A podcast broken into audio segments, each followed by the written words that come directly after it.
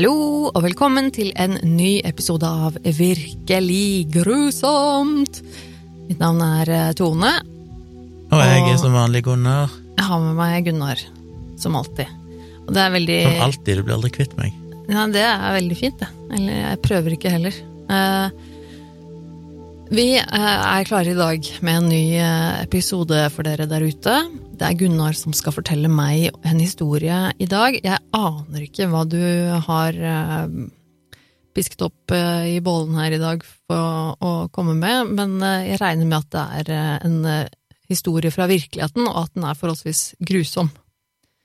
Det er alt jeg vet. Men eh, om det er noen av dere der ute som har eh, tips til eh, historier vi kan fortelle her i denne podkasten, eller hvis dere har eh, kanskje svar på gåtene vi eh, får snakker om, eller om dere har tilbakemeldinger generelt, så er det velkommen til å sende oss en mail på virkelig grusomt alfakrøll gmail.com. Jeg er veldig spent, Gunnar. Jeg, Ja. Nå har vi fått unna formalitetene.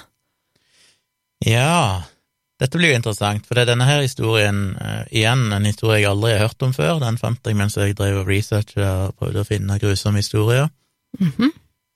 og den er, jeg synes den er virkelig grusom, Ja. spent på om eh, folk som hører på kjenner historien fra før, men han er såpass, det er så stort persongalleri, og det er så mye som skjer, at det, normalt pleier jeg å liksom researche, lese artikler, eventuelt se videoer, notere, og prøve å liksom pakke det sammen til en sånn håndterlig mengde informasjon som jeg kan gjenfortelle. Mhm. Her ga jeg bare opp, så jeg har rett og slett bare noen artikler foran meg som jeg skal prøve å gjenfortelle litt sånn oh. direkte, ok, ja. spontanoversette fra engelsk til norsk, for at skulle jeg begynt å notere ned alt, alt det vesentlige, så hadde jeg bare gjen, gjenfortalt eller gjenskrevet hele historien uansett. ja. Ja, men da, det får får jo gå, det holdt jeg på å si. Det er bare å kjøre på, det. Vi får se hvordan det går. Hovedpersonen eh, i denne historien heter Suzanne Capper, okay. og ble født i 1976. Når vi skal hoppe inn i denne historien, så er vi jo eh, omsider da i 1992, tror jeg det er. Da var altså 16 år. Men hun ble født i 1976 med i eh, Manchester, England. Manchester, England, England Kjenner du den? Nei. ok, men det, så, Hair. Ok, Nei, det har jeg ikke kjennskap til. Men ok, så vi skal til England i dag. England, og vi er på tidlig 90-tallet. Men hun ble født i 76. Hun ble født, eh, som de fleste gjør, eh, av en mor Ja, som eh, heter Elizabeth Capper. ok. Og hun hadde jo ei søster som heter Michelle Capper, men foreldrene skilte seg veldig tidlig, så hun kjente vel egentlig aldri sin biologiske far, virker det som, og han forsvant ut av bildet. Jeg tror ikke egentlig noen vet hvor han er den dag i dag. Mm. Men hun vokste egentlig opp da med en stefar som heter John, og igjen, som vanlig når en leser forskjellige artikler, så er det små avvik. Det står her at han heter Jon eh, uten H, i en annen sto det at han heter Jon med H, ikke at det er så viktig, men etternavnet er Capper Ja. som var litt sånn ok, så da har alle tatt navnet til stefaren sin. Alle heter jo Capper. Men det var kanskje vanlig på den For hvis de giftet seg på nytt, så var det jo kanskje vanlig at hun da ville ta det nye etternavnet til sin nye mann, da. Men det at barna også fikk det etternavnet da, er jo kanskje litt rart, jeg vet ikke. Ja, andre plasser så står det liksom ikke etternavnet hans, det står bare John. Så om de har bare resonnert seg fram til at han heter Capper, det vet jeg ikke. Uansett, det er Mm. ikke så viktig. Ok. Men eh, tidlig på 90-tallet så ble òg mora og denne stefaren separert. De, altså, hun hadde en vanskelig oppvekst. Hun blir karakterisert som ei veldig, veldig snill jente, veldig sånn ydmyk, eh, sikkert litt sånn sjenert, forsiktig person. Men hun vokste opp under vanskelige kår, og alt det som skjer her, er egentlig Ja, det er liksom engelske rednecks, for å bruke det ordet. Det er okay. fattige mennesker der det skjer ganske mye kjipe ting. Så var det ikke noe god oppvekst. Nei, så de, de, de hadde det ikke så godt sånn økonomisk sett og sånn, Nei, det er fattige folk, liksom. Ja. Og uh, Susanne, da, som er hovedpersonen her, hun begynte å bo hos stefaren sin. Etter at foreldrene, eller etter at han og Ja. moren skilte seg. Så hun bodde hos han, men så slutta hun på skolen etter hvert. Og hun var egentlig, som sagt, ei snill og, og grei jente, men det er tydelig at hun hadde vanskeligheter, ting var vanskelig. Læreren karakteriserte henne som veldig sånn utagerende og alltid fjern, liksom lost in thoughts, som de kaller det. Ja, ok. Så et eller annet skjedde, men hun droppa ut av skolen. I 1992, mot slutten av 1992, så begynte hun å henge hos ei dame som heter Jean Powell. Hun var 26 år gammel, altså ti år eldre enn Suzanne. Ok. Og så vidt jeg har skjønt, så var Jean eh, tidligere barnevakt for henne, så de hadde egentlig kjent hverandre i rundt ti år. Jean hadde vært barnevakt for Suzanne, og Suzanne var liten. Mhm. Så de kjente hverandre litt. Eh, Jean hadde tre unger òg, og Suzanne hadde visstnok òg vært barnevakt for hennes unger igjen. Nei, men, men da, og Sus Å ja, å ja. Susanne hadde vært barnevakt for Jean sine unger også? Ja, så Jean, ut ifra disse historiene Ah. her, så var Jean barnevakt for Suzanne da hun var liten, men når Suzanne ble litt eldre og Jean fikk unger, så var, hadde visst Suzanne vært Nettopp. barnevakt eh, for uh, Jean Powell sine tre unger. Ja. Så de kjente jo hverandre og hadde et visst sånn tillitsforhold, men det skulle jo ende ganske så tragisk. Ok. Etter hvert så begynte Susanne å stort sett henge hos eh, Jean Powell hele tida, og til slutt så flytta hun egentlig bare inn der. Eh, Jean Powell hadde ikke noe jobb, og det hun levde av, var å selge narkotika, Oi. drive og ja, handle, importere, selge stjålne bildeler. Ja, Og i dette huset her som hun Jean bodde, så var det mye tvilsomme mennesker og tvilsomme relasjoner. Ja, det høres jo sånn ut. Eh, søster til Michelle Nei, søster til Suzanne, som jeg nevnte tidligere, hun hadde ei søster som heter Michelle. Ja. Hun hadde visstnok òg bodd litt hos Jean Powell, men hun hadde flytta ut til slutt, for hun likte ikke de folkene som var innom der, Nei. som hun drev og liksom var ganske ugreie og prøvde å ligge med og prøvde å ja. Ja, Husker at Suzanne var 16. ganske ja, usunt eh, miljø her, da. Ja. Veldig. Så det var ikke noe trivelig sted. I uh, samme huset så bodde det òg ei som heter Bernadette McNeely. Vi vet ikke noe om hvorfor Susanne sluttet å bo med moren eller stefaren sin. Nei, det kommer liksom aldri fram, Nei. men det virker bare som at hun tydeligvis ikke hatt det så greit. Nei, for jeg tenker at hvis hun velger å bo hos Jean, hvor, hvor tydeligvis det ikke er et kjempesunt og godt miljø, så må det være en grunn til at hun velger å bo der framfor stefar eller hos mor, da. Ja, Det blir jo beskrevet mange plasser at uh, Susanne var desperat etter omsorg og nærhet, Ja. liksom at hun bare Det er tydelig at hun, hun trengte noen i livet sitt som kunne ta vare på henne. Hun var kanskje utsatt for omsorgssvikt eller noe sånt nå, kanskje? Det da. høres jo sånn ut. Ja. Ja. Yes. Denne ut, altså Det var jo Jean Powell, og dette er sånn komplisert, det gjelder å holde tunga rett i munnen, for det er mange folk, som sagt. Ja, Jean Powell bodde der, hun var Mhm. 26 år gammel. hennes hus. Hun hadde òg en bror som heter Nei, ikke bror, en eksmann som heter Glynn Powell. Han var Mhm. 29 år gammel. Han òg hang visst der, selv om det var eksmannen hennes. Eh, hun bodde òg sammen med ei som heter Bernadette McNeely, Mhm. som egentlig var naboen til Jean Powell, og bare bodde liksom tre hus unna. Men av en eller annen grunn hadde likevel mer eller mindre flytta inn da hos Jean, hun òg. Ja, det er jo litt sånn eh, Ja, så, så hun var naboen og hadde egentlig bare blitt boende hos henne. Det er jo Ja. også Føler at det er litt sånn typisk i den type miljøer også. Veldig fattige og preget av kriminalitet, så har jeg liksom en følelse av at det er forholdsvis vanlig at man liksom havner i en sånn situasjon, at de bare ender med å bo liksom sammen fordi det er mye greiere, fordi de sikkert driver i samme business, Ja. og da samler de alle utgifter og strøm og mat Mm. og jeg vet ikke, det virker litt sånn at ofte er litt sånn det blir, da. Det var jo en fyr som heter Anthony Dudson, som var Bernadette sin 16 år gamle kjæreste. Så Bernadette hun var jo ei godt voksen dame, men hadde altså en 16 år gammel kjæreste. Det var jo en som het Jeffrey Lee, som var Jean Powell, altså hun som egentlig bodde i det huset, sin 27 år gamle kjæreste. Så er det jo en aktør som heter Clifford Hayes, som var den 18 år gamle broren til Jean, Oi. og Suzanne sin ekskjæreste. Så det hadde visst tydelig satt et forhold. Og så vidt jeg skjønte, så igjen, det er litt forskjellige artikler, men hun Jean Powell, jeg tror hun òg hadde et forhold til Bernadette McNeely, um, mm -hmm. som altså var naboen. Så det var liksom Og generelt sett så er det blitt beskrevet som at det huset var det ganske ja, mye rart som skjedde. Det var mye narkotika, Mye folk som kom inn og utdrag og kjøpte og solgte narkotika. Det var mye Alle hadde sex med hverandre. Det var mye festing. Ja. Generelt sett ganske utrivelig og upassende sted for en 16-åring å henge.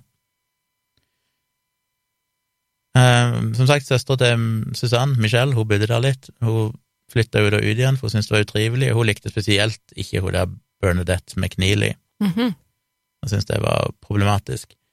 Og Michelle har jo sagt, eller sa, at eh, selv om Jean og Bernadette på en måte var venner med Susanne, men hun fikk jo lov å bo der, Mm. så var de kronisk utrivelige med henne.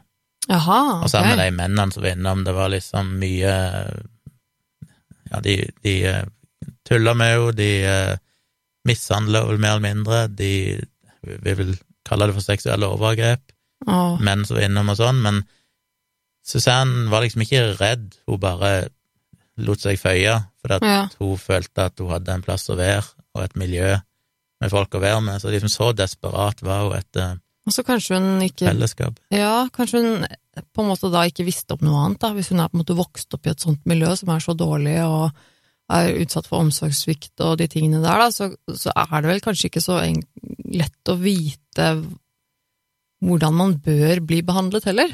Altså, Nei. det er jo ikke, når man ikke er vant til andre tilstander, så er det jo ikke, det er ikke sikkert hun skjønner at det der er hvor galt det der er, da.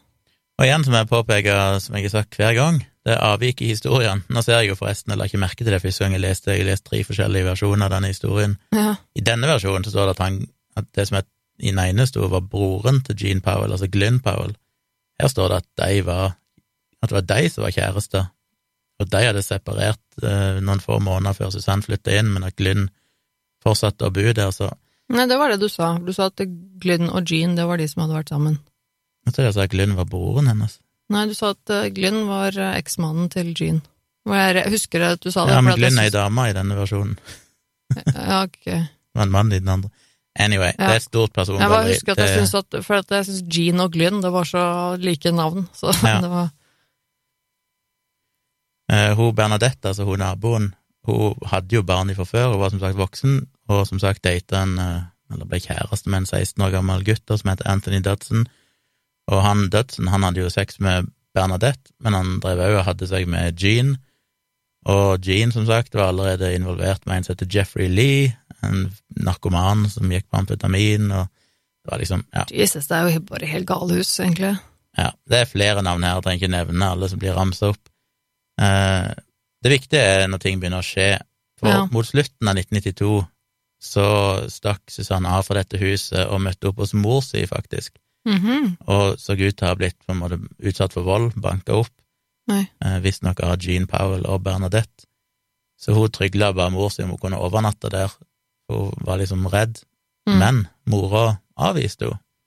Oi. Fordi mora hadde fått en ny kjæreste og var redd at han skulle bli sur. Oh. Så selv om hun liksom ba og sa hun trengte en plass å være, så fikk hun ikke lov, Wow. som jo kom til å hjemsøke mora for resten av livet, at hun ble Mm. avvist den eh, kvelden. Så hun hadde ikke noen plass å gå, så hun reiste tilbake igjen til huset og ble der. Så det var generelt sett eh, vanskelig. I desember 1992 så begynte plutselig sånne her folkene å rotte seg opp, eller rotte seg mot Susanne. De anklager henne blant annet for å ha stjålet en sånn kåpe som tilhørte Bernadette, og de påsto òg at hun hadde gitt de lus, altså sånn lus som er i kjønnshårene. Hva er det det heter igjen? Er ikke det et eget navn? Det sto helt stille for meg. Kjønnslus? Nei. Eh, altså crabs, liksom. Ja, det er, jeg kan gå på Eh. engelsk. Du er Det Jesus, hva er det det heter for noe på norsk? henne? Nei, det står helt stille for meg. Men iallfall. Som er veldig rart, da, for at eh, alle drev jo hadde seg med alle. Så Ja, men de hadde utpekt henne som Vi hadde bare da. pekt ut henne som syndebukk. Ja. De hadde bare bestemt at eh, vi skal, vi skal legge alt på hun. Og så i en versjon av historien så står det at hun da, at hun Susanne har liksom søkt tilbake igjen til stefaren sin og bor der. I en annen versjon så står det egentlig ikke det, men nå er iallfall hos stefaren sin, og 7. desember 1992 så kommer plutselig gruppa og ringer på og sier at uh, Susanne må komme hjem til Jean Powell, fordi at der er det noen, en eller annen fyr som Susanne visstnok var forelska i eller betatt av, Men, men, hvem var det som kom hvor og sa at Altså, Susanne, hovedpersonen, her, hun hadde gått tilbake igjen til stefaren sin. Til stefaren var det så, ja. Og så plutselig kom de Så kom de som og de, sa liksom Gino og de eh, folka, ja. ja, to måtte komme, for det var en dude der som hun likte. Jaha. Han skulle fortelle henne noe spesielt. Så hun Det aner meg at dette lover dårlig. Ja, det var jo bare en løgn, og når hun kom der, så sto Glynn og Anthony klare og venta på henne, og på en måte sa at hei, du må gå inn og sjekke ut eh, hvem som venter på deg. Og når hun kom inn, så tok Anthony tak i henne og la henne i bakken og begynte å gi henne ris, rett og slett. Glynn strippa av henne alle klærne, barberte av henne øyebrynene, alt håret på hodet og kjønnshårene, som gjorde at hun ble liggende og blø, for det var ganske brutale. Ah, Så putta de en eh, svart plastpose over hodet på henne, husk at Susanne er 16 år gammel alt dette her skjer, ja. og tvang henne til å gå rundt i leiligheten mens Anthony og Glynn veksla på å bare slå henne i hodet med Ja, for- beltespenne og slei, tresleive og sånn, Eh, og etter hvert så joina alle inn og bare egentlig banka henne opp. Eh, skal visstnok ha brukket armen. I en historie sto det at på et eller annet tidspunkt så bare mista hun kontrollen over høyre armen, som bare ble hengende livløs langs sida. Oh. I den andre sto det at hun sannsynligvis da brakk armen. Og hele tida så bare lo de og på en måte ropte skjellsord til henne. Så ja, ikke spesielt trivelig. Men det blir jo mye verre. Oh. Så på et tidspunkt da, så låste de jo inn i et skap, og jeg er litt usikker på hvor lenge hun var der. De hadde en plan om å flytte hun over til dette tomme nabohuset som Bernadette opprinnelig bodde i, som var altså tre hus vekke. ja. Eh, og det gjorde de noen dager seinere, som hun var låst inne i det skapet lenger, sånn det kom ikke helt fram. Men iallfall etter ei stund så flytta de jo over til dette tomme huset. Der tok de ei seng og snudde på hodet, sånn at de fire beina stakk opp, og så bandt de jo på en måte med en arm og Mm. bein til hvert eh, bein, bein på liksom. sengen, så hun ja. lå som en X, bundet fast med ledninger. Beina altså spredd ut. Og der igjen så er det litt forskjellige historier, men eh, de fortsatte jo å slå henne, stumpe sigaretter på henne. De etter tur misbrukte henne seksuelt. De pleide visst å Hun ene da, som egentlig i stor grad sto bak det, så var hun der Bernadette. Hun pleide å komme inn og si eh, før hun starta, så sa hun 'Chuck is coming to play'. Det var liksom sånn det alltid starta, og henviste da til denne her. Ja, den der filmen. filmen, ja. Med, den heter Child's Play, gjør den ikke det? Ja, jeg tror det. Den med han dukken Chucky som driver og dreper folk eller et eller annet. Ja. Og i en versjon av historien her òg, så sier de at de kom og gnei liksom chilikrydder og salt og sånn inn i hennes private parts før de sånn. seksuelt misbrukte henne. Herregud. Så um, dette holdt de på med i fem dager. Hun ble bare banka opp, hun var bundet hele tida. De brant henne, som sagt, med lightere og sigarettsneiper. Begynte hun å skrike etter hjelp etter ei stund. Ja. De begynte å sprøyte inn amfetamin eh, i henne for å prøve å holde henne stille. Og så hadde de på headset der de spilte på maks volum ravemusikk, spesielt en sang som heter Hi, I'm Chucky, Wanna Play, av eh, en artist eller et eller annet band som heter 150 Volts. Så det liksom hadde hun gøffende på i ørene for fullt volum mens de seksuelt misbrukte og plaga henne. Så ja, trivelig. Ja, det er helt Åh. Så hun ble jo liggende der, eh, torturert og seksuelt misbrukt, voldtatt, i flere dager. Og etter hvert så ble hun liggende der, så var det jo tiss og bæsj, ikke sant, hun bare lå der og ikke gjøre noe annet. Ja. Selvfølgelig så brukte de det modo, som jo er typisk, selv om Ja. hun ligger der bundet fast, og mener at uh, ble sure på henne fordi hun gjorde eh, huset ureint og begynte å lukte. Mhm. Så for å gi henne en lærepenge, så klarte de å løfte henne opp i et badekar som de fylte med konsentrert um, desinfiseringsmiddel, og Ah, begynte å skrubbe henne med en veldig stiv børste, som visstnok ble skrubba så hardt kombinert med dette her eh, ett sånn stoff som gjorde at hun mer eller mindre mista huden til slutt. Og enda verre, så fant Clifford ut at han skulle eh, trekke tennene hennes. Nei, fy faen. Så han eh, fant plutselig ut at han eh, tok ei tang og sa, ropte til henne at 'nå skal jeg rive ut tennene dine'. Så han begynte først å slå denne tanga i munnen hennes for å prøve å liksom løsne tennene. Så prøvde han å ta tanga og dra ut ei tonn, men det var liksom vanskelig, for han, tennene bare knakk på en måte, eller bare fikk av fragmenter. Så da fortsatte han å slå, og drog og drog, så hodet hennes ble, ble dratt framover, og til slutt så sa det liksom snapp, og så klarte han å få ut ei tann. Og så gjentok han det noen ganger til, så han trakk bare ut tennene hennes, eh, en to-tre stykk, så vidt jeg kan forstå. På et eller annet tidspunkt så var det en 18 år gammel venn som heter David Hill, som, eh, var ja, som hang liksom litt med den gjengen. Han ble bedt om å, å bare passe på huset litt, og mens han var der Det huset som hun var ja, fanget som i? hun var fanget i. Ja. På et eller annet tidspunkt så hørte han eh, en av disse her rope 'hold kjeft, de hora', i et eller annet bakrom. Så spurte han hva som foregår. For han visste ingenting om Han dette visste her? ingenting om Nei. dette. Så Anthony sa at eh, nei, de holdt på med et biologiprosjekt oh, som de hadde jobba med som ei gruppe, og så viste de han Suzanne. Og han har jo seinere sagt at hun satt der med en slags eh, altså tøystykke over ansiktet, eh, ifra øyebrynene og ned til øynene, så basically bare blindfolder, da. Mm. Hun hadde blod over hele kroppen. Øvre del av kroppen så ut som en ribba kylling, fordi hun skrubba av omtrent all Ja. huden. Hun hadde jo ikke noe hår, selvfølgelig. Nei. Og så hadde han visst hørt at de hadde snakket om at de hadde gjort noe tannlegearbeid på henne. Som han da skjønte hadde vært at de hadde dratt ut tennene hennes med tang. Og så hadde de mata henne med steinhardt, tørt brød som var dekka i mugg og sopp, og liksom det hun hadde fått å spise. Litt seinere så forsvant de andre, så han ble aleine i huset med Suzanne, og hun da begynte å trygle om han kunne liksom slippe henne løs, binde, fjerne, eller altså Ja. binde henne Hva heter det? Binde henne løs. Slippe henne fri, eller Ja, slippe henne fri. Ja. Og han har jo da senere sagt at uh, hun spurte om hjelp, men han sa at han kunne ikke. Han spurte hvem hun var, hun sa at hun het Suzanne. Så spurte hun om han kunne slippe henne løs, han sa han kunne ikke gjøre noen ting. Og senere har han sagt at han var bare rett og slett for redd for de her folkene. Han var Ja, for redd de skulle gjøre det samme med han, sikkert, da, eller et eller Han annet. sa hvis han hadde gjort det, så kom de til å banke han opp, og de ville oh. tatt han, liksom. Så han sa han bare var i sjokktilstand, egentlig, og klarte Ja. ikke gjøre noen ting.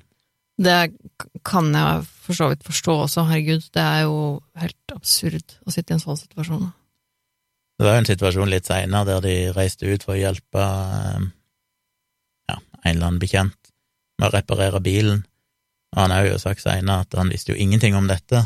Hadde han visst hva som foregikk, så hadde han jo sparka ned døra og redda Suzanne. Han trodde jo at Suzanne hadde det greit hos dem. Eh, Hvem var det som sa det? Ikke. Nei, en, en venn av de som de hadde vært hjulpet med en eller annen bil på et eller annet Ja, tidspunkt.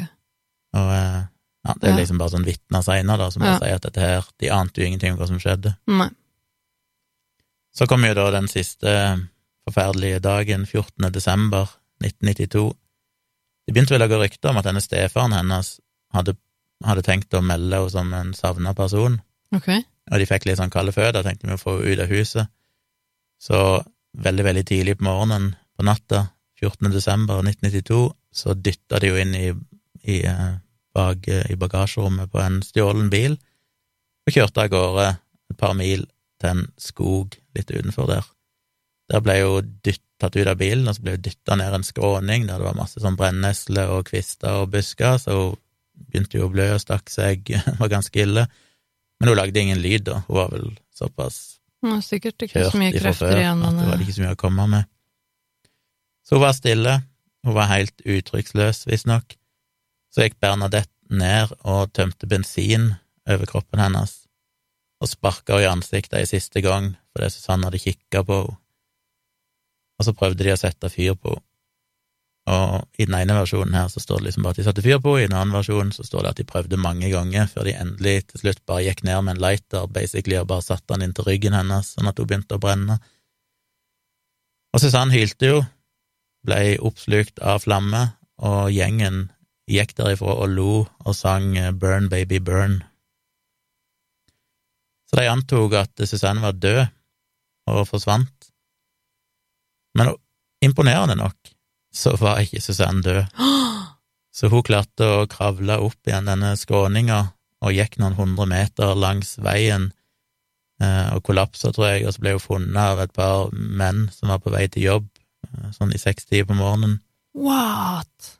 Og umiddelbart da de fant henne, så begynte hun å snakke i veldig sånn monoton, låg stemme, og bare sa liksom der borte, borte i Tornekrattet, de brant meg, de putta bensin, eller de tok bensin på meg. Så de tok henne til et hus i nærheten, og der ble, ble det ringt etter ambulanse. Ja, ok, ja. Jeg skulle si her tok de henne ikke på sykehus, liksom, men ja, ok, de, de ringte Ja, ambulanse. ringte ambulanse, og han ene av de som fant henne, sa at begge hendene hennes så basically bare ut som aske. Beina hennes var bare rått kjøtt. Føttene hennes var liksom forkulla, nesten. Men hun var så utrolig høflig hele tida. Hun bare liksom takka for hjelpen og takka for alt hun fikk. Å, var herregud, liksom så hjerteskjærende. rolig og fornuftig. Eh, hun ene som bodde i det huset, sa at hun bare sånn på instinkt ville gi henne en klem, omfavne henne, men hun ble dytta vekk med en gang, for det var intenst vondt, og kunne ikke være i nærheten Ja, nei, å få brent. Senere fant de vel at hun- 80% av kroppen var forbrent. Så hun hadde visstnok omtrent ikke noen trekk, ansiktstrekk igjen i ansiktet, og eh, ja, var rett og slett bare helt ødelagt. Hun var ganske desperat og tørst, og hun drakk seks glass med vann, men hun klarte ikke å holde glassene sjøl, så de måtte gi de til henne. Mm. Og hun ene beskrev Nå er hun på sykehus, ikke sant? Nei, hun er fortsatt i dette huset. Å ja. Hun ble beskrevet der som at hun så ut som offeret etter et sånn kjemisk angrep i Vietnamkrigen. Ja. Men de følte seg ganske trygge på at hun ville overleve. De hadde en sånn idé om at nå som hun endelig var kommet til en trygg plass, når hun skulle komme på sykehuset, så kom dette til å, å gå bra. ja. Og heldigvis, på tross av at hun var så skada som hun var, så klarte hun å gi navnet, og jeg tror dette var muligens etter hun kom til sykehuset, så klarte hun å gi navnet på alle de seks som hadde vært involvert i dette, og adressen til huset til Jean Powell, Wow. før hun falt i koma. Og hun var såpass ødelagt at mora og stefaren klarte ikke å gjenkjenne henne, Nei. så de måtte bruke deler av et fingeravtrykk fra tommelen, som var omtrent det eneste som ikke var forbrent, for å kunne identifisere henne, og faktisk å informere foreldrene om situasjonen. Alt dette her skjedde jo 14. desember. Den 18. desember så døde hun, eh, mens hun fortsatt var i koma. Åh. Så hun lå der i fire dager. Men allerede samme dagen, 14. desember, senere på dagen, altså, for alt dette skjedde jo på natta og morgenen, Ja. så eh, instruerte politisjefen eh, sine folk til å rett og bare arrestere de folkene, Mm. selv om de ikke hadde noen arrestordre eller noen ting. Men det var en såpass grusom handling at han bare sa bare gå og ta dem. Mm. Og mens de ble arrestert, så drev jo bare Jean Powell og Bernadette McNeely, de bare lo og liksom kødda med det og snakka med hverandre om det som hadde skjedd, og liksom bare syntes det var humoristisk. Og i starten så benekta alle seks at de hadde hatt noe med dette å gjøre, og prøvde på en måte å minimalisere sin rolle i det, i, i så fall. Mm. Men så klarte han Anthony Dudson sin far å overbevise han om at du er nødt til å fortelle sannheten. Det var han som satt inne med henne, men ikke turte å slippe henne fri? Nei, jeg husker ikke lenger hvem Anthony Dudson var. Det var en Ja, det var av oss kanskje han- tror jeg. Ja, det var vel han ene av de to som var med på å slå henne, det. Eh, ja, han var med med på det. Han var han som la henne i bakken eller tok henne i starten, var det ikke det?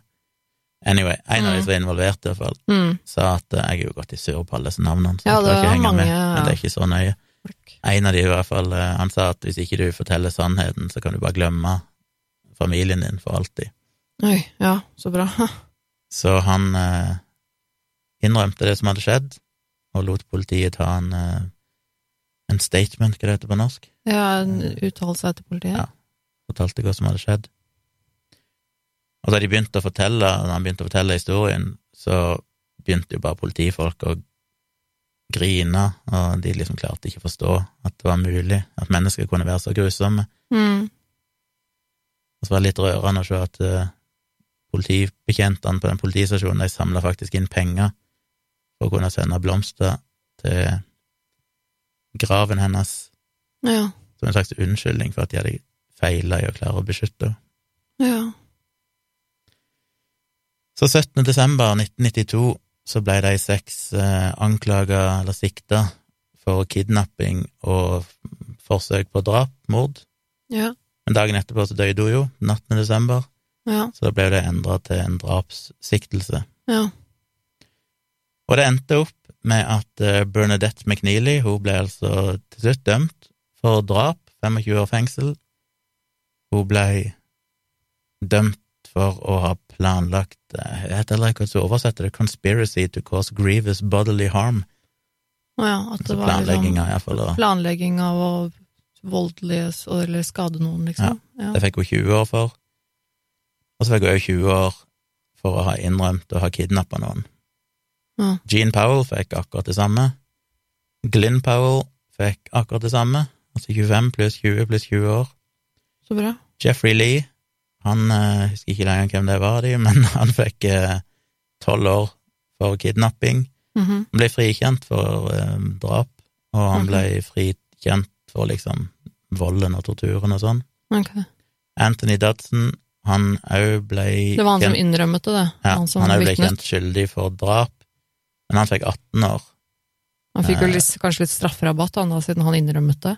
Kanskje, men det står faktisk han fikk detained indefinitely with a minimum tariff of 18 years, så basically så er han vel slags Forvaring, forvaring, Ja. men med en minimum på 18 år, da. Ja. Han fikk òg 15 år, i motsetning til 20 som de andre fikk, Ja. for uh, denne her og planlagte vold og alt det der, ja. og 15 år for kidnapping, som er jo da. Så han fikk jo mindre straff enn de andre, som kanskje er bare fordi han innrømte det. Det var han som sa det først. Mm. Og Clifford Pook, som jeg heller ikke husker hvem var lenger, han eh, fikk òg 15 år for å ha mm, ja, begått vold og tortur, og 15 år for kidnapping, men ble heller ikke dømt for drapet på henne. Mm. Og så er det jo skjedd litt forskjellig med de, det har vært noen ankegreier og sånn, jeg skal ikke gå inn i alt det, men både Bernadette, Jeffrey og Clifford har visstnok eh, frikjent, for de har hatt god oppførsel i fengsel, og på en måte vist tegn til anger. Jaha. Så selv om de egentlig fikk forvaring og en veldig lang straff, så ja, nå er jo dette nærmer seg jo 30 år siden. Så, men de kom ut, tror jeg, tidlig på 2000-tallet, ikke sikker. Det har variert litt hvem som sitter inne og De er Altså- faktisk ute igjen, altså. Altså, Lee, hvem er det de?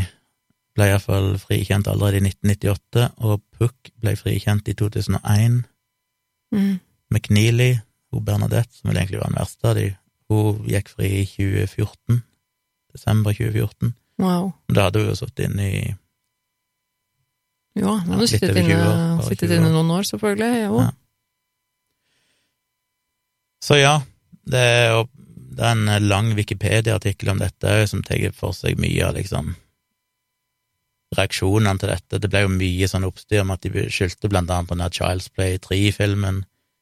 Eh, ja, de skyldte på filmer, det ble mye sånn oppstyr om, om filmer, voldelige filmer, i hvilken grad det liksom førte. Det var mye sånn moralsk panikk både på 80- og 90-tallet rundt både filmer og dataspill, eh, spesielt på den tida. Mm.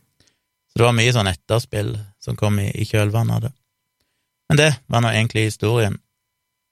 Jeg tenker jo at eh, at Og det, det er jo på en måte altså, overhodet ikke noen unnskyldning på noen som helst måte, men jeg tenker jo at at det må jo ha spilt en rolle, dette miljøet som disse menneskene bodde og levde i, da. Og disse menneskene som utførte de grusomme handlingene her òg, de var jo helt sikkert også vokst opp i et sånn type miljø. Ja. Og var sikkert ganske skada sjøl på mange måter. Og i tillegg til at Ja. de brukte rus, da, at de ruset seg jevnlig også, det vil jo garantert ikke hjelpe på en sånn type altså oppførsel, da, eller eh, Og det er litt sånn Nei, jeg kan jo ikke fatte hvordan noen hvordan noen kan få seg til å gjøre noe sånt med et annet menneske. Det er jo helt, for meg, helt ufattelig at det går an å liksom eh, på, på, altså på en måte fraskrive noen menneskestatusen i Ja. så høy grad, da, at du liksom ikke At du ikke føler noe empati, sympati i det hele tatt.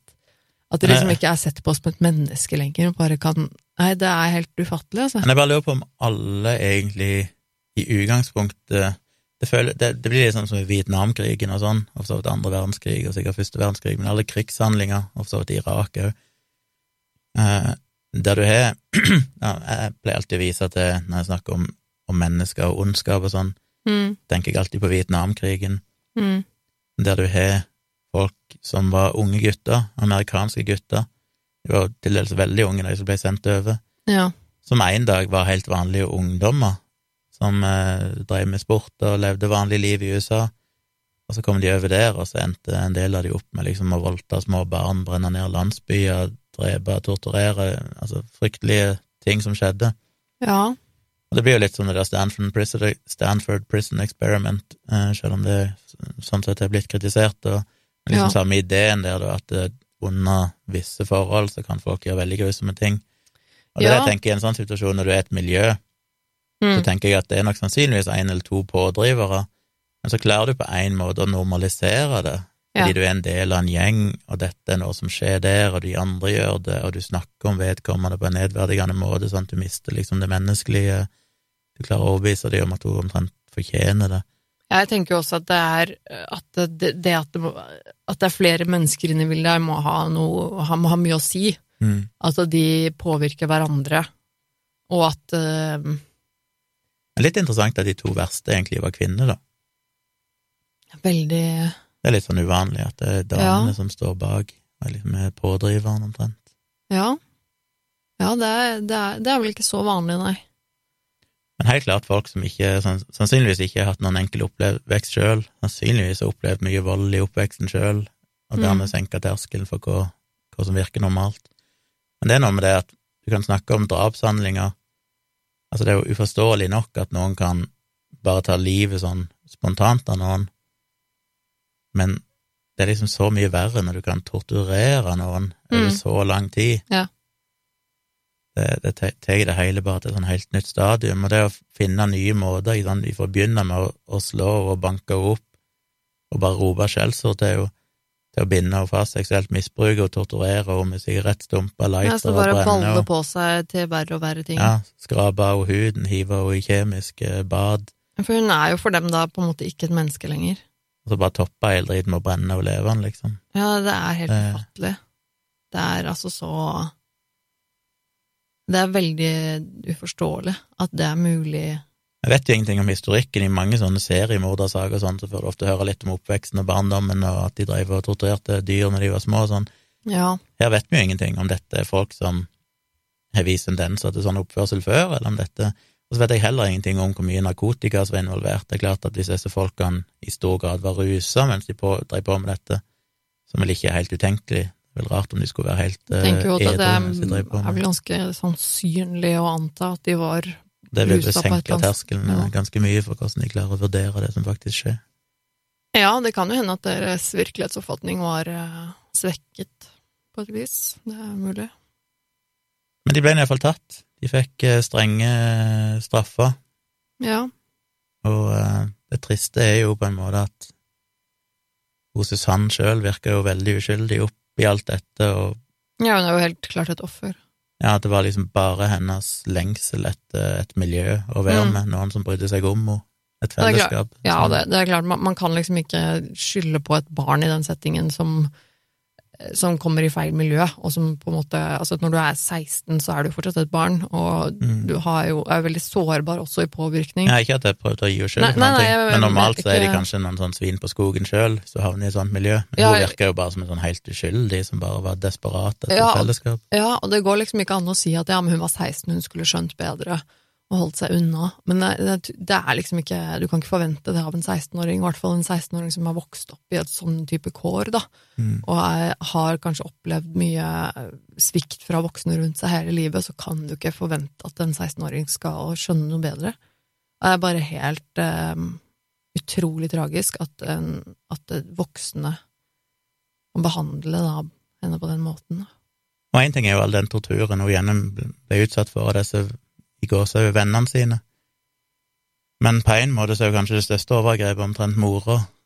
Eh, På en måte faren som bare stakk av før han i det hele tatt kjente henne, men iallfall mora som hadde på en måte oppdratt henne og allikevel avvist henne når hun kom helt åpenbart utsatt for vold. Mm. Så er det sånn Snakk om å være egoistisk og tenke at nei, men kanskje den nye kjæresten, jeg vil ikke ødelegge forholdet til den nye kjæresten min, så du får bare Men det er ganske tydelig for meg da at da har du på en måte ikke Da har du ikke et moderlig forhold til datteren din i det hele tatt. Da har du fraskrevet deg morsrollen, liksom, og alt ansvar, og det er jo helt utilgivelig. Samtidig så vet vi jo selvfølgelig ingenting om hun mora òg. Nei, nei, selvfølgelig, vi vet ikke det. ble banka opp og trua. Det, og det er, det er jo ikke usannsynlig, Nei. det heller. Selvfølgelig, ideelt sett så skal du uansett ofre deg sjøl for ditt barn, men vi skjønner jo at det er ikke like lett hvis du ikke skjønner hvor alvorlig det faktisk er, så kan du tenke at i denne situasjonen så Og det, jeg tenker på meg. Og kanskje søstera hennes, jeg vet ikke om søstera bodde med henne fortsatt, og kanskje tenker Mm. på hennes ve og vel òg, så det er jo alltid forbehold vi ikke kjenner til, som kan gjøre at folk tar de valgene de gjør. selvfølgelig, men det er jo uten tvil noe om at eh, når man er et barn, så er man uskyldig. Altså, det er i en sånn situasjon, Ja, ja, så. Det er liksom, sånne ting gjør meg så lei meg og frustrert og sint, for det er liksom sånn et eksempel på, på en sånn situasjon hvor det er helt tydelig at disse menneskene skulle ikke fått barn i utgangspunktet. Nei, jeg har ikke lest noen ting om konsekvenser for foreldrene hennes, men det føles jo som at uh, Hun hadde jo ei søster, som sagt, som vel Mm. mora fortsatt hadde omsorgen for. Jeg hadde jo håpet at barnevernet eller sånt kom inn i bildet, for hvis hun burde jo blitt dømt som ei ikke-kapabel mor, som kanskje ikke burde ta vare på der Ja. selv heller. Det vet jeg ingenting om. Men det, ja, det er ikke så lenge siden heller at det ikke fantes noe barnevern, liksom. Jeg regner med at det fantes noen sånne institusjoner i, i, Ja. i eh, Britain, hva heter det, Storbritannia. Men eh, det er jo helt, det er vanskelig å si, selvfølgelig, hva som skjedde der. Men vi får gå over til rangeringa. Ja, jeg, jeg skulle til å si, eh, fordi at jeg er litt glad for at du tok denne her saken nå i dag. Jeg syns Jeg syns jeg, jeg tror nok at dette her er eh, Altså, for, for meg er nok dette noe av det verste. Jeg syns det her er eh, ekstremt Altså grusomt og veldig sånn desperat. Eh, og det er bare en, en skjebne for hun Susanne, da, som på en måte bare er helt jeg vet, jeg vet ikke om jeg har noen ord for å liksom beskrive det engang, for det er ingen har Det er ingen i, ingen i verden som kunne ha fortjent en sånn skjebne og et sånt liv. Og det blir liksom Jeg blir liksom ordentlig frustrert, da, for at det er liksom Ja, foreldrene hennes skulle jo aldri fått disse barna. Hun skulle jo aldri vært født, stakkars. Det er jo, og, og de menneskene som er ansvarlige for at hun ble født, de sviktet henne. Det er på en måte og det er så tragisk, det er så, og det, det som skjedde med henne er så ufattelig grusomt. Altså For meg så blir det ikke så veldig mye mer grusomt enn det her, og i tillegg til at hun faktisk da um, at, hun, at hun bare At, at hun, dør, hun dør jo. Eh, Og hun, hun får ikke noe sjanse til å snu om på livet sitt eller få hjelp heller. Eh, Det er liksom en, et kort liv som var helt grusomt, sånn som det høres ut da. Så for meg så er det her eh, rimelig liksom på maks på skalaen. Jeg vet ikke om det kunne blitt noe verre, men jeg tenker at for meg så blir det en ni, liksom. Ni eller ti. Eh, på grusomhetsskalaen fra én til ti. Jeg tenker at jeg havner på en nier, jeg, for det her er første gangen jeg har sittet og fått ordentlig blitt sånn kvalm og vondt i magen. Ja, det er rart med det, for dette er jo helt åpenbart Ja, det er vanskelig å tenke seg noe verre. Altså, bare én av de tingene hun ble utsatt for, er jo ille. Mm, Og så ble hun bare utsatt for en serie av de over mange dager, liksom. mm, I tillegg til at hun hadde et vanskelig, åpenbart liv hele livet sitt. ja. Men det er så rart med hvordan vi Det blir så ekstremt at du nesten ikke klarer å forholde deg til det. Men sånn som den forrige historien med han som ble fanga i den grotta, det er et eller annet med at det kan du på en måte Det kan du sette deg inn i, for alle er kjent på klaustrofobi, ikke sant, og det er liksom den der ja. Så det er rart hvordan du får litt sånn rart forhold til det. Eh, Det er jo en klassisk psykologisk mekanisme, det med at ting som jeg kan assosiere eller identifisere oss med, føles verre. Ja, for meg blir det her bare så den, Sånn som du forrige uke satt og fikk eh, vondt i magen, så sitter jeg Mm. her denne uken og har vondt i magen. Og en Ja. annen ting jeg skulle si også med denne historien, er at den er eh, forholdsvis lik eh, en historie som jeg har blitt tipset om mange ganger. Mm. Eh, det er mange som har sendt inn eh, tips til oss og, eh, om en historie om en japansk jente som heter Junko Furuta. som også er en utrolig tragisk, grusom historie om en stakkars uskyldig jente på jeg tror man 19 år eller noe sånt, som, som, som mista livet sitt etter mange, mange dager med tortur av eh, unge gutter som hadde connection til Yakuza, altså den japanske mafiaen.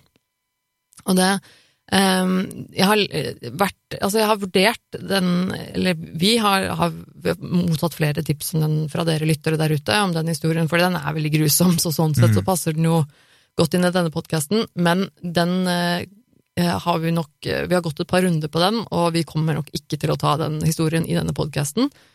Og det er litt både fordi at den er Den er veldig grusom, ja, men uh, den er ikke så veldig mye mer enn bare helt grusom.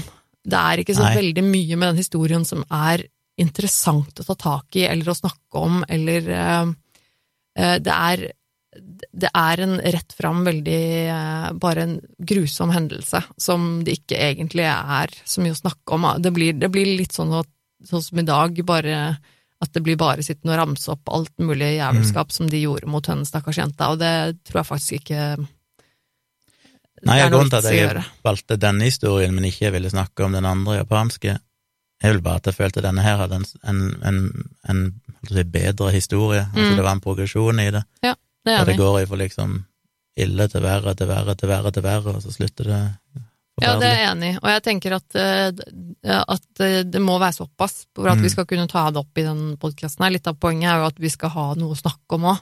I hvert fall for min del, da. Eh, Med tanken med denne podkasten her er jo liksom ikke bare at vi skal gi hverandre vondt i magen og sitte og si de mest grusomme tingene, men det er jo noe med det som eh, de historiene som må være litt interessant. Et eller annet med psykologien, et eller annet med historien, et eller annet med mysteriet.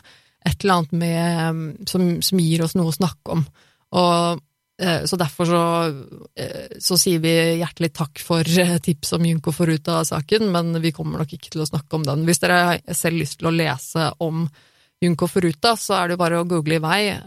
Det er en forferdelig historie om en stakkars jente, så les i vei, men jeg tror vi, jeg tror vi tar denne episoden her på vegne av Junko Jeg Foruta-saken. trenger iallfall ikke flere tips om Junko forute. Det har vi fått mange om. Hvis du har lyst til å tipse dere om det, så trenger du ikke. Vi takker for, for det.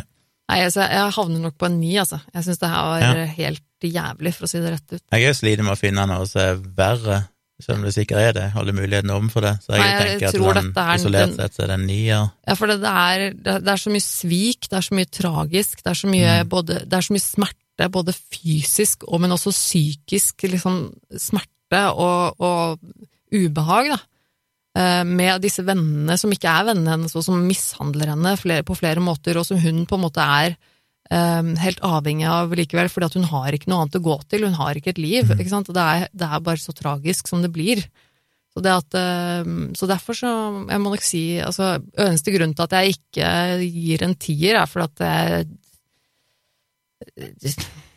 ja, jeg har ikke egentlig noen god grunn, men jeg tenker at det, det, det går, altså, så, så fæle som folk er, så menneskeheten hva vi finner på, så går det kanskje an at det finnes noe som er verre.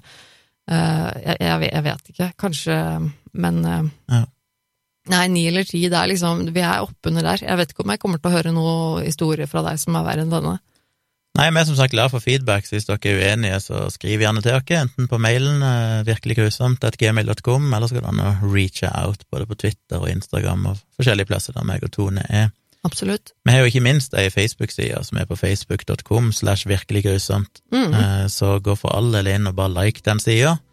Så får du med deg nye episoder, og hvis vi har livestreams i framtida eller gjør andre stunt, så får dere informasjon om det der. Ja, skal ikke se bort fra at det kan dukke opp noe sånt. Og da kan vi gjerne kommentere under siste episode hele veien. Hvis dere har tilbakemelding å gi, så kan dere kommentere der òg, og selvfølgelig dele videre med andre.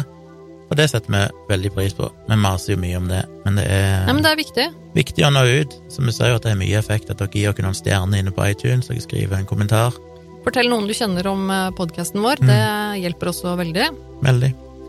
Så da takker vi for at du orka, hvis du kom så langt som dette, orka å høre hele historien. Håper du satte pris på den. Setter Ja. pris på hvor godt vi tross alt har det, de fleste av oss. Ja, takk skal du ha, Gunnar, for den utrolig ekle klumpen jeg fikk i magen i dag. ja.